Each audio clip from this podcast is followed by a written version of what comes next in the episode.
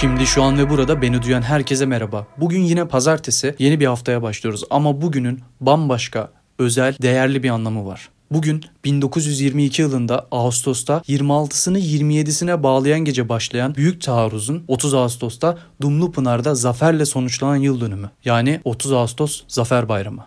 Aynı zamanda Atatürk'ün başkomutanlığında yapıldığı için başkomutanlık meydan muharebesi olarak da bilinen bu zafer dolayısıyla öncelikle büyük atamız Mustafa Kemal Atatürk'ü ve silah arkadaşlarını bu zaferde emeği geçen bütün halkımızı saygı ve minnetle anıyorum. Elbette bayramlarda ve özel günlerde bu anmaları hepimiz yapıyoruz. Bir şekilde bir yerlerde bir şeyleri konuşup paylaşımlar yapıp sözler yazıyoruz, konuşmaların içerisinde bulunuyoruz. Bu konuşmaların arasında da özellikle Atatürk'ü ne kadar çok özlediğimizden bahsediyoruz. Onun hayatımıza kattıklarından dolayı ona teşekkürler ediyoruz ve izinde olduğumuzu söylüyoruz. Ancak bence bunların hiçbiri yetmiyor.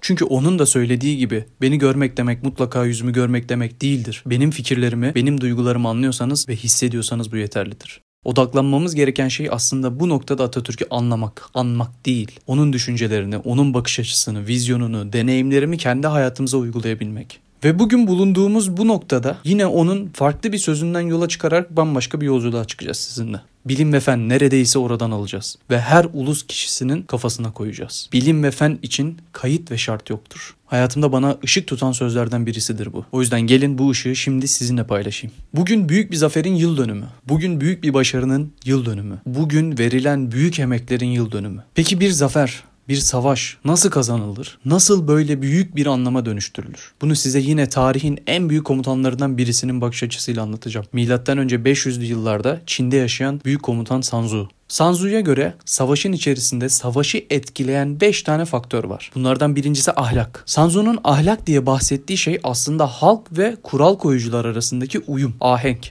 İkinci faktör ise hava, gece ve gündüz koşulları, sıcak ya da soğuk koşulları. Üçüncü faktör ise arazi, Arazinin güvenliği, sahip olduğu engeller, sahip olduğu şartlar, deniz kenarı mı, dağ tepesi mi, bir vadi arasında mı? Dördüncü faktör ise yöntem ve disiplin. Savaş sırasında kullanılan uygulamalar ve aynı zamanda bütün savaş süresince uygulanan finansal yönetim. Ve tıpkı bugün de andığımız zaferde ne kadar önemli olduğunu gördüğümüz gibi beşinci faktör komutan samimiyeti, bilgisi, cesareti ve gücüyle bir orduya liderlik edecek bir komutan. Bunlar Sanzu'ya göre bir savaşı etkileyen faktörlerdi. Peki bu savaş içerisinde bir zaferi kazanmak için neler önemliydi? Yine aynı şekilde Sanzu bize zafer için 5 tane temel koşul olduğundan bahsediyor. Birincisi zamanlama, doğru yerde doğru zamanda olmak. İkincisi güçle baş edebilmek. Karşılaşacağımız dirençle, düşmanın kuvvetiyle baş edebilme gücümüz. Üçüncüsü ruh. Yöneticilerin, ordunun bütün üyelerinin, halkının sahip olduğu birlik, birliktelik bilinci. Dördüncüsü hazırlıksız an. Sanzu'nun tam da bu noktada söylediği çok güzel bir söz var. Bir şimşek gibi ol. Karanlığın içerisinde hiç beklenmeyen bir anda çak. Ve yine zafer için beşinci temel koşul ise bilinçli bir komutan. Kendi kişisel ihtirasları, istekleri, arzuları doğrultusunda bir orduyu yönlendirmeye çalışan komutan mutlak surette başarısız olacaktır. O yüzden bilinçli bir komutan önce kendini daha sonra ordusunu en sonunda da düşmanını bilmelidir. Çünkü kendini ve düşmanını tanıyan komutan girdiği her savaşı hatta girmeden bütün savaşları kazanabilir. Eğer bu kadar komutandan konuşuyorsak tabii ki bunun yine karşı tarafında bunu dengeleyen bir durum var. Yani komutanlardan kaynaklı problemler, yani liderlerden kaynaklı problemler, yani yöneticilerden kaynaklı problemler. Sanzu'ya göre komutandan kaynaklı 6 tane talihsizlik var. Bunlardan bir tanesi kaçış. Düşmanla aramızda sahip olduğumuz kuvvet farkının bir korkuya dönüşmesi. İkincisi isyan. Komutanın otoritesinin sarsılmasından kaynaklı olarak ordunun komutana karşı isyan etmesi.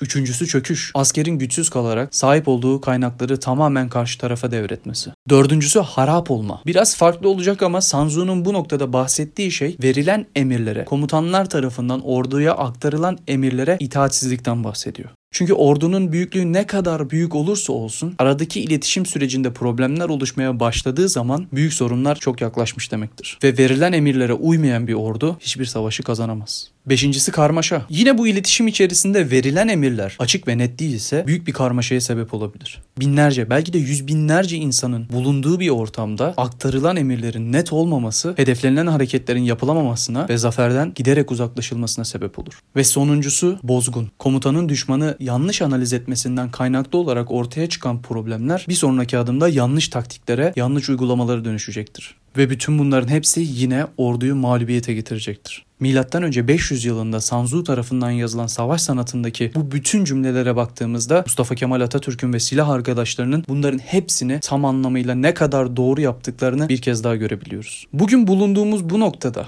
sadece bunları konuşmaktan öteye gidip kendi hayatımızda uygulamaya başlarsak işte o zaman gerçekten bu zaferi kazanan insanların emeklerine saygı duymuş oluyoruz bence. Çünkü şunu hepimiz biliyoruz ki sahip olduğumuz imkanlar, bulunduğumuz yer, bulunduğumuz coğrafya, özgürlüklerimiz, haklarımız bu zaferlerin sonuçlarıydı. Ve bu zaferlerde bu büyük insanların emekleri vardı. Bugün bu podcast'i kaydetmeme sadece ilham olmakla kalmayıp bana bu fırsatları veren, bugün yaşadığım dünyanın temellerinde emekleri bulunan ve onu her hatırladığımda, hayatımın her noktasında hissettiğimde beni bulunduğum noktadan bir adım daha öteye ilerleten Mustafa Kemal Atatürk. Onun sözleriyle başladım, yine onun sözleriyle bitirmek istiyorum. İki Mustafa Kemal vardır. Biri ben, et ve kemik. Geçici Mustafa Kemal. İkinci Mustafa Kemal onu ben kelimesiyle ifade edemem. O ben değil, bizdir. O memleketin her köşesinde yeni fikir, yeni hayat ve büyük ülke için uğraşan aydın ve savaşçı bir topluluktur. Ben onların rüyasını temsil ediyorum. Benim teşebbüslerim onların özlemini çektikleri şeylerin tatmini içindir. O Mustafa Kemal sizsiniz. Hepinizsiniz. Geçici olmayan, yaşaması ve başarılı olması gereken Mustafa Kemal odur. Saygı ve minnetle.